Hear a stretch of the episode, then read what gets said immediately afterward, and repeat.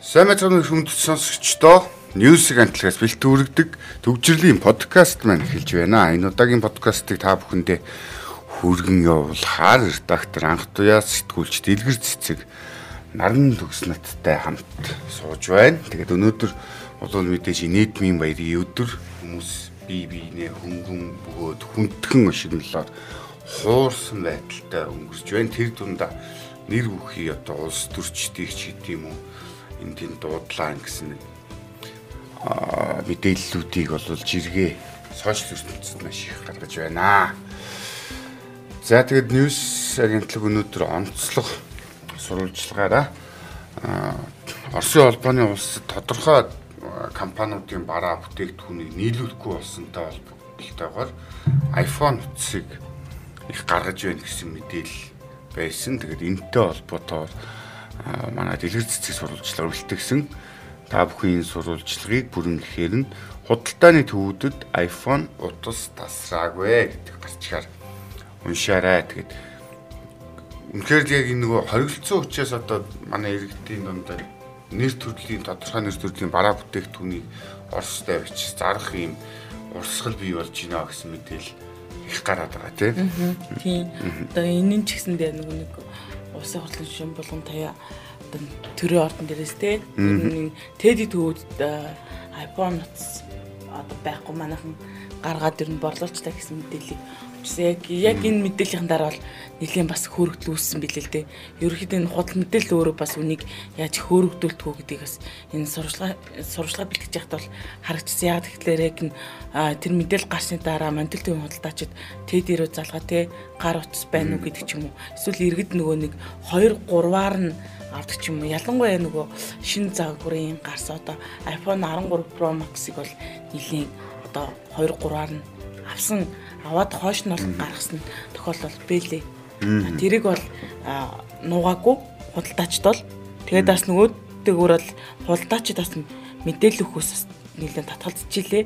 Яагаад тэгэхээр ингээд бидэрт iPhone хэвэн байна гэд хэлчих юм бол эргээд төрөөс ч юм уу те бидийг одоо татвар элдв бодлогоор ингээд гэлтгүй бүгд нэмэгдсэн харагдсан. Тэгээ ерөөдөө дунджаар нэг 100-аас нэг 200 300 мянган төгрөгөөр нэмэгдсэн.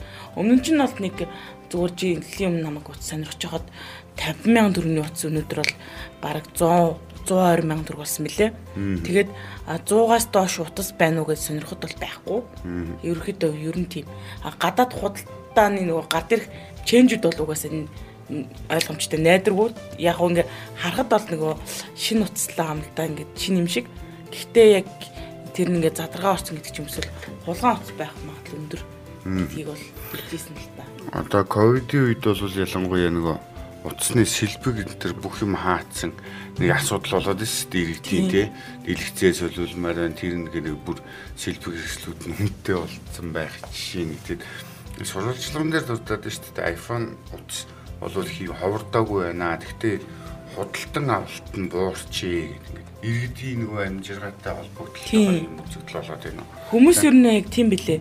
Харж байхад бол ингээд хуц авч байгаа хүмүүс их нь ерөнхийдөө бол iPhone сонирхож байгаа. iPhone 11 X Max тэгээд 13 сонирхож байгаа цөөхөн байгаа байхгүй юу? Аа тэгээд ингээд үнийн сонсоод мм гэл жоохон бодох жишээ нь өөр 2 3 лангуугаар яваад үзэх гівч нөгөө нэг үнэ буулахгүй гэдэг ч юм те. А тэнгуут нөгөө нэг юу гэдгийг үнэ ингээд буулахын тулд эсвэл чи зүгээр наад уцаа зүгээр ингээд зэнгэлжтэй нав тэгвэл би чамд яг 50 сая төгрөг татаж өгье гэдэг ийм тохиолдол ийм саналыг бол худалдагчд бол нэлээд хилж илэлтэй би өөрөө ч гэсэн авч юм шиг өөрөө бас ингэ сонирхож асууж үзтлээ ер нь тийм билээ. Одоо жишээ нь iPhone X Max гэдэг утас бол юу байгаа. Одоо нэг хүн жишээлбэл сая төгрөгт ингээд тооцоод нэг үнэн дунджаар сая төгрөгтэй гадаа гэд худалдааны төвүүдээр ороход сая 200 байх жишээ нь А тэгээд доош ярих уу гэхээр ярихгүй. Тэгээд ерөнхийдөө 8 жит бол өдөрт нэг 2 утас ихтэй зарж байгаа л гэдэг ярьж лээ. А тэгээд энэ дээр нөгөө iPhone 13 гэдэг ч юм уу 12-ын нуц авахта манайхан бас тэр хайрцагных нь лого энэ тэмдэглэгийг бас шалгаж үзэх хэрэгтэй юм билэ. Яг тэгэхээр одоо жишээлбэл iPhone 13 гэхэд чинь л 3.6-аас 5 сая хүртэл байгаа байхгүй юу? Тэнгуут энэ нартлын бичиг нь ингээд хэрвээ ингээд наалттай лацны хിവэрэ байх юм бол задаргаа ороогүй тэгээ 5 сая төгрөг. А хэрвээ тэр нь лацсан навцсан байх юм бол 3.6 гэдэг ч юм уу. Доошоо ёо явчихжээ. Тэгээд манайхны хувьд бол хөвчлэн гар утсаа Америк солонгосоос оруулж ирж байгаа гэдгийг хэлчихсэн. Ерөнхийдөө химийн тэгээд Оросд бол мэдээж нөгөө нэг хоригсонтой холбоотойгоор бас 12 сая төгрөг хүрсэн мөлий. Тэгээд саяхан манай нэг хоёр иргэн яг энд гар утсаа худалдаад хэрэглэж бол ирээд явчаад ирсэн мөлий. Тэгээд тэнд бол хүмүүст хошуураа гүжигсэн. iPhone 13 бол 12 саяд хүрчихсэн. Тэгээд эндээс бол яг хуу тэндээсээ зарж чадчихвал яг хавтаа зарж чадахгүй бол өөртөө бол алдагдлалд орох эрсдэлтэй шүү гэдгийг бол худалдаач хэлчихлээ. Тэгээ нөгөөдөөр бас нэг ийм асуудал юм. Одоо банк бас санхүүгийн байгууллагуудаар сүүлдээ бас нэлийн лизингээр бас гарсан шүү дээ тий. А тэгээд эндээс ингээд худалдаачтай уулзаад явж байхад бол бас хил гайлын хаалт, хорио цэр гэдэг ч юм те. Элдүүд татвар ийм зүйлтэй холбоотойгоор одоо энэ теди төвөөс гэдэг ч юм уу юм утас бөөндөж аваад нь нүц тусгаар тэгээд тэр уцаа одоо яг тэндээс оруулж ирсэн шив шин уц гэдэг ч юм. Тийм байдлаар зааж иргэдийг бас шулах тэгээд нэг тийм хохирох тохиол айгүйх гардаг болсон гэл ярьж илээ л дээ. Тэгэхээр тэрийг бас нэлээд анхаармар шиг санагдсан шүү. Тэгээд лизингийн төвүүдэд бол iPhone бол бас нэг 3.6-аас 4.5 саятай байлээ. Тэгээ нэг тиймэрхүү.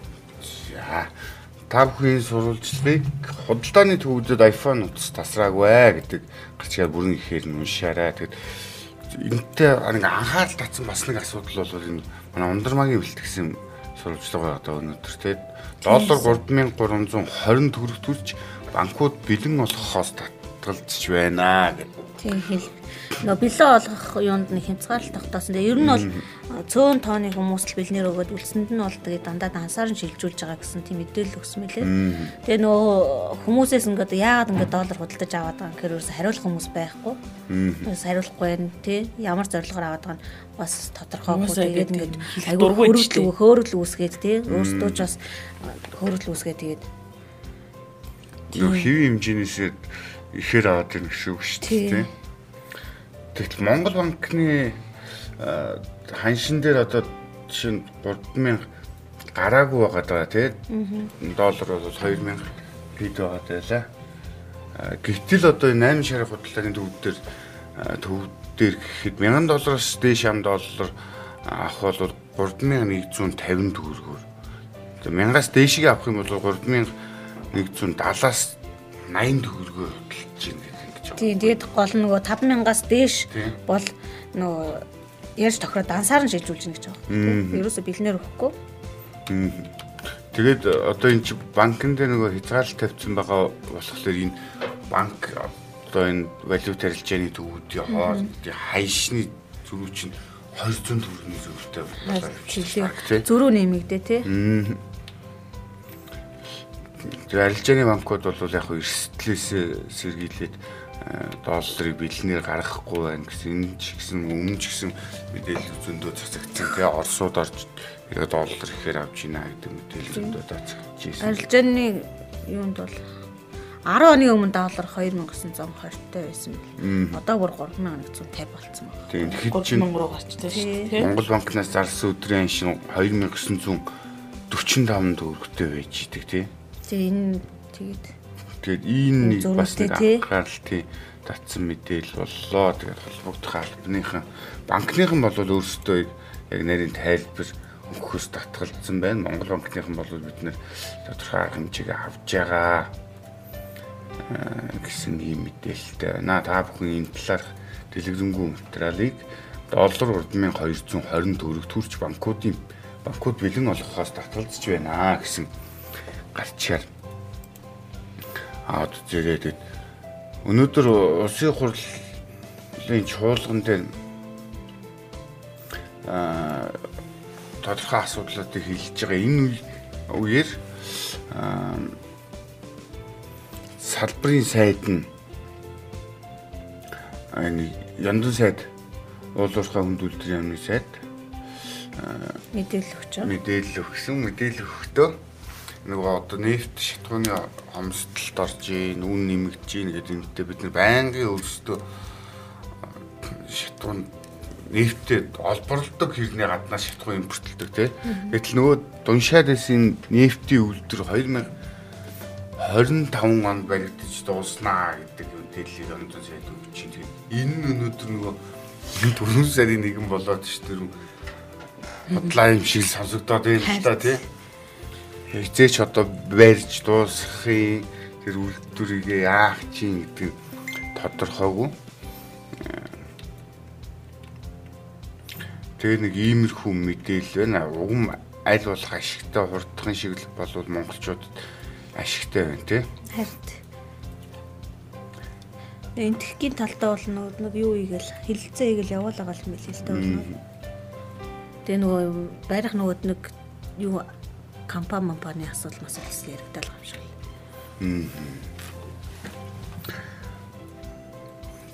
За тэгээд энэ чуулганы уралдаан үргэлжилж байна.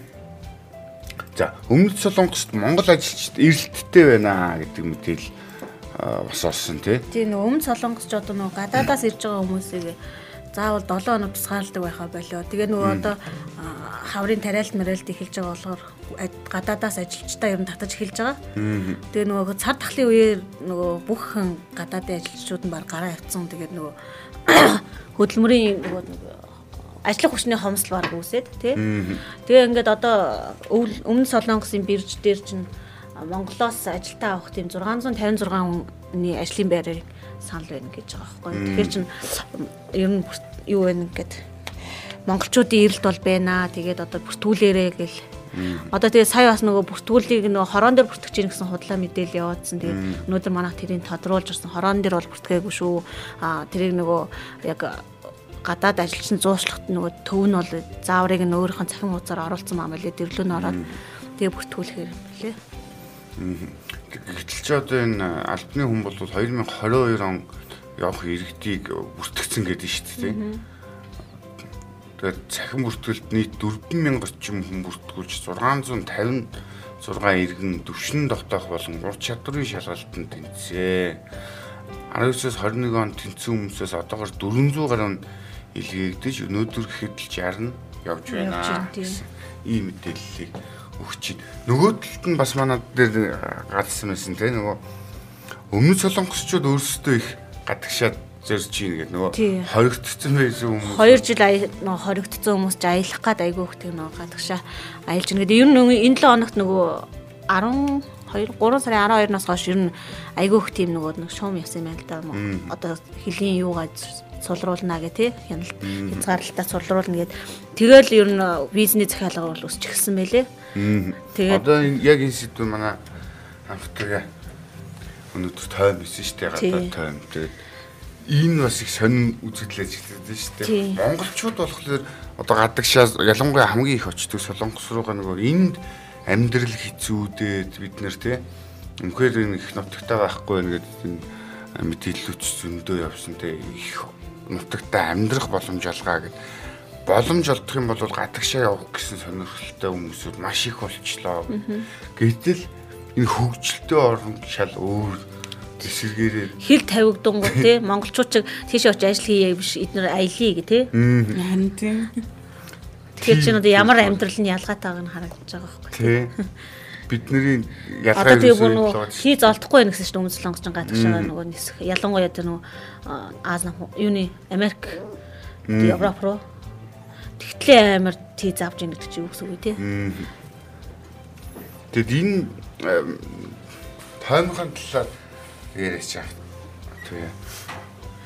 Одоо чинь Интерпарк Корп компани мэдээлснээр номхон далайн орнуудын нислэгийн захиалга 3 дугаар сарын 11-ээс 22-ны хооронд өнгөрсөн жилийн мүйтэй харьцуулахад 324 хөрсөн. Харин тий аюух амар өссөн. Тэгээд нөө зүүн өмнөд Аз руу аялах нь болохоор 268%, Европ нь 262 хувиар өссөн. Тэгээ энэ нөгөө ихэнх нөгөө сонгож байгаа газрууд нь болохоор нөгөө очиод тусгаарлагдах нөхцөлгүй тий PCR-ийн вакцинтай PCR-таа бол тэгээд очиод чөлөөтэй аялах боломжтой газруудыг ер нь аягүй сонгож байгаа. Тэгээ Монголч бас нөгөө энд нь бүмэн чиг яагаад төгсөн шүү дээ чөлөөлөө төгсөн. Тэгээ нөө одоо өмнө солонгос ч бас халдварын тархалт айгүй их байгаа. Өдөртөө бас нэлээд 5 6 мянгаар нь илэрч байгаа.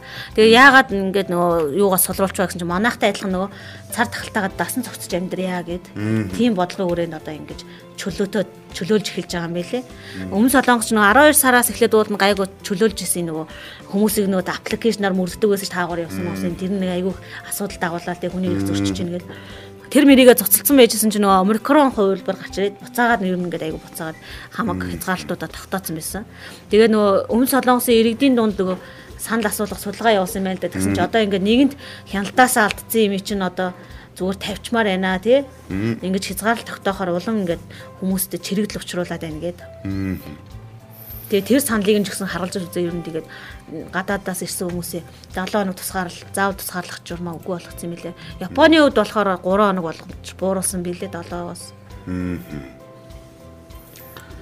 Тэгээ нэг аялал жуулчлалын Японы өмнө солонгос аялал жуулчлалын компаниуд айгүй л мөнгө олж байгаа юм шиг байгаа юм шүү дээ. Нөгөө юунаас гинт чөлөөчөнгууд нөгөө хүмүүс аялах гад нөгөө захиалга өгөхөөр одоо эн чинь л чинь нөгөө одоо юу нэг хоум шопингоор бас нөгөө ийм захиалга баялын багс магс зард юм л да. Тэгээ энэ нөгөө нэг CG корпорацийн тийм захиалга нь Испани, Итали руу аялах багцыг 2800 гаруй хүн захиалаад тэр нь нийтээ 15 тэрбум вон болсон гэж. Монгол Америк доллараар бол 12.41 сая доллар. Амар бас. Зөвхөн чинь. Зөвхөн нэг тий. Тий. Тэгээ тэр хэмжээгээр ингэж одоо энэ аялал жуулчлал бол ямар том боломж вэ мөнгө эргэлддэг вэ гэдгийг юм харагдаад шүү дээ. Тэгээд тэр хүн очиод тоол эдэнж очиж буудалд орно. Тий. Үйлчлэгээ үзүүлнэ гэдэг. Монголд гэсэн чинь нөгөө зочдууд юу аялал жуулчлалын салбар нөгөө ажиллах хүчингүү болц болсон хүчингүү болсон гэд хоёр өдрийн өмнө мэдээ харагдаж байсан. Аргуул дээр нөгөө яг цар тахлааслаад нөгөө бүгд тэг зогсонгууд нөгөө хамаг ажилчид нь өөр салбарууд руу хувир нөгөө юуцсан урвцсан хувирсан. Тий хувирсан. Тэгээ одоо нэг буцаага татсан ч гэсэн нэг зарим нь бол ингээ доктор суушилтай айлт орсон бол за ишиг гэд тий болин штэ. Тэгээ юм болохоор одоо энэ бас бодлого дутагдаал байгаа юм аа. Ажиглаад байгаа салбар. Яа нөгөө Орос Украины дайны асуудал үлж шүү гэж 4 хоногийн дотор асуудлыг шийднэ гэсэн үг ч одоо 36 дахь хоног болж байна уу тий. Тэгээд нөгөө Орос Украины тал бол үе үе уулзаал байгаа тий. Тэгээд өнөөдөр нөгөө өнгөрсөн өчигдрөөс штэ Киевээс нөгөө цэргээ цөөллөө мөөлөө гэдсэн чинь тэр нь бол худлаал юм байлээ. Яг цөөлөөг өөр газар руу шилжүүлсэн тий. Тиймэрхүү мэдээлэл гарсан. Тэгээд нөгөө Оросын талаас бас нөгөө өөрсдийн хитрх юм уу дайт зай хийгээд муу харагдаад байгаа болохоор худал худал мэдээллүүд аявих барин тавин худлаа ярьсан мэдээллүүд аявих цацж байгаа нь ажиглагдаад байгаа байхгүй юу. Тэгээ энэ нөгөө хойд юу бас нөгөө Орос Украины асуудлаас гадна хой залонгосоос аягүй идэвчээд байна тийм нөгөө тв болгосох пуужин муужин туршаал. Тэгээ нөгөө хамгийн амар нөгөө Хвасон 17 гэдэг нэг пуужин 2020 онд танилцуулсан юм шүү дээ. Тэр пуужингийн хүчин чадал нь Америкийн их газар хүрэх чадaltaй гэдэг байгаа байхгүй. Тэгээ тэр пуужин гад саяхан бас туршсан гэсэн боловч тэгээ нөгөө Америк Сөүлийн талаас бол тэр хаваасаа 17 биш өмнөх загвар 15 байсан гэд тийм мэдээлэл гаргацсан байсан. Тэгээд нөгөө яагаад тэгж худлаа ярьсан гэсэн чинь тэр нөгөө өмнө бас нэг яг тэр 15-аа өмнө бас нэг туршилт хийсэн тэр бүтлгүүдээ те тэрийгэ дарахын тулд ингэж худлаа мэдээлэл гаргасан гэж ер нь үзэж байгаа юм байлээ. Тэглэж гисэн тэр нөгөө бас нөгөө Америк өмнө солонгосын талаас нь хойд солонгосын баллистик пуужингийн юу н идэвчээ тэр одоо цөмийн туршилтуудаа эсэргээсэн тий. Тэгээ үлд нөө ураны юу туршилтын талбай малбайгаа ингээд ивчвчүүлээд эхэлсэн болохоор дайны үед онц хамт нөө бэлэн байдал яаж хамтарч ажиллах уу тийм төлөвлөгөө боловсруулж өнөөдөр гарын өсөн үсэг зурсан байлээ. Онц байдлын хамтарсан төлөвлөгөө гарч ирдэг. Тэгэхээр бас сонин сонин үйл явдлууд ингээд болоод ингээд тий геополитик ер нь л өөрчлөгдөд байна. Яаж болтгүй гэсэн нэг юм айдас хүчтэй болчлоо ш. Тийм болохоор энэний эсрэг үрчлэн сэргийлэх тэрнээс хамгаалах ингээл дор бүрнээ арга хэмжээ аваад төлөвлөгөө энэ онц байдлын юмнуудаа шинчлээл тэ ингээд ах шиг байна. Тэгээ өнөөдрөөс нөгөө байгалийн ийг зөвхөн рублээр төлбөр тооцоо хийх зарлаг Путиний зарлаг өчтөр гарын өнөөдөр зэрэг эхэлж байгаа юм лээ. Хэрвээ ингээд нөгөө одоо Европч 30% байгалийн үн хэрэгцээний 30%-ийг одоо Оросоос авч байгаа шүү. Хэрвээ Европын талаас заавал еврогоор хүмүүс Америк доллараар хийнэ гэдэг төлбөрөө тий рублээр хийхгүй гэх юм бол Путин бол шууд цоргоо ханаал гэсэн тийм мэдээлэл өгсөн мэлээ. Тэгэхээр одоо буцаад рублийн ханс сэргэх магадлал бас үүсэж байгаа. Эсвэл одоо юу гэдгийг Европ авахгүй бүр ингээд татгалцсан бол өөрсөнд нь бас нөгөө хөлдөх аюул үүснэ тий. Одоо тэгтээ 100 болж болохоос гайгүйж магадгүй. Тэгэхдээ одоо энэ нөгөө богино хугацаанд ямар ч энийг нөгөө нөхөгч байд юм уу өөр газраас авахч байд юм уу тийм боломж байхгүй шүү дээ. Тий. Тэгэхээр хаана бас нэг харилцан бие биентэй буулт хийж ижил судал шийдэх гэдэг. Энэ хооронд тэгээд манад одоо улсын хурлын жолгон дээр ч гэсэн хилцэж чинь нефтийн шитгэмийн өсөхгүйсэн баталгаа алгаал гэх.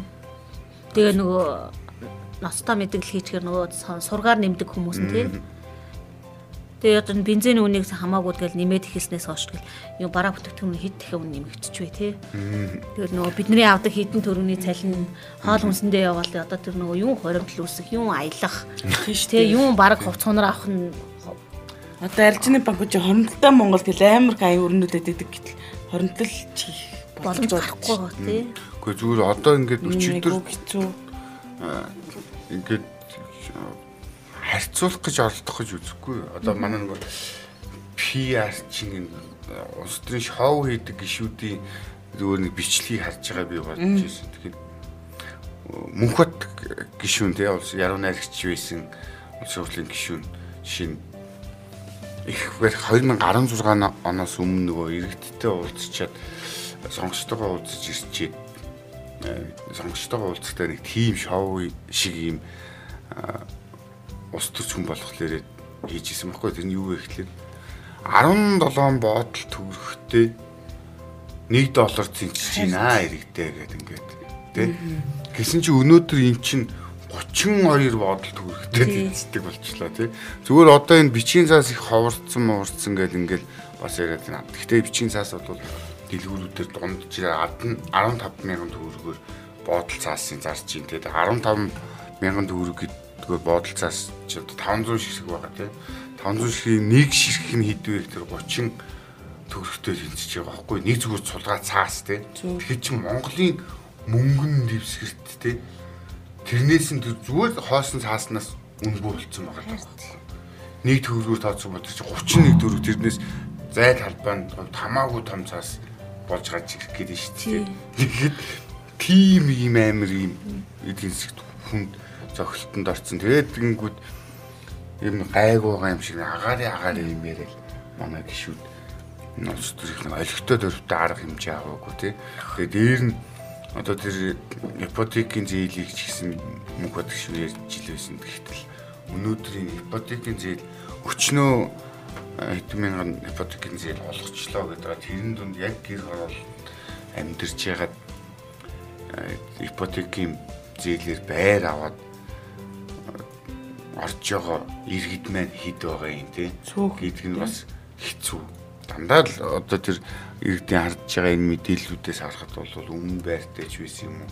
Танил тал найз нөхдөийнхөө өрөөнд боломжтой хүмүүс нь тэр хямд хүүтэй тэр зээлийг нь бүртээд идэг тийм.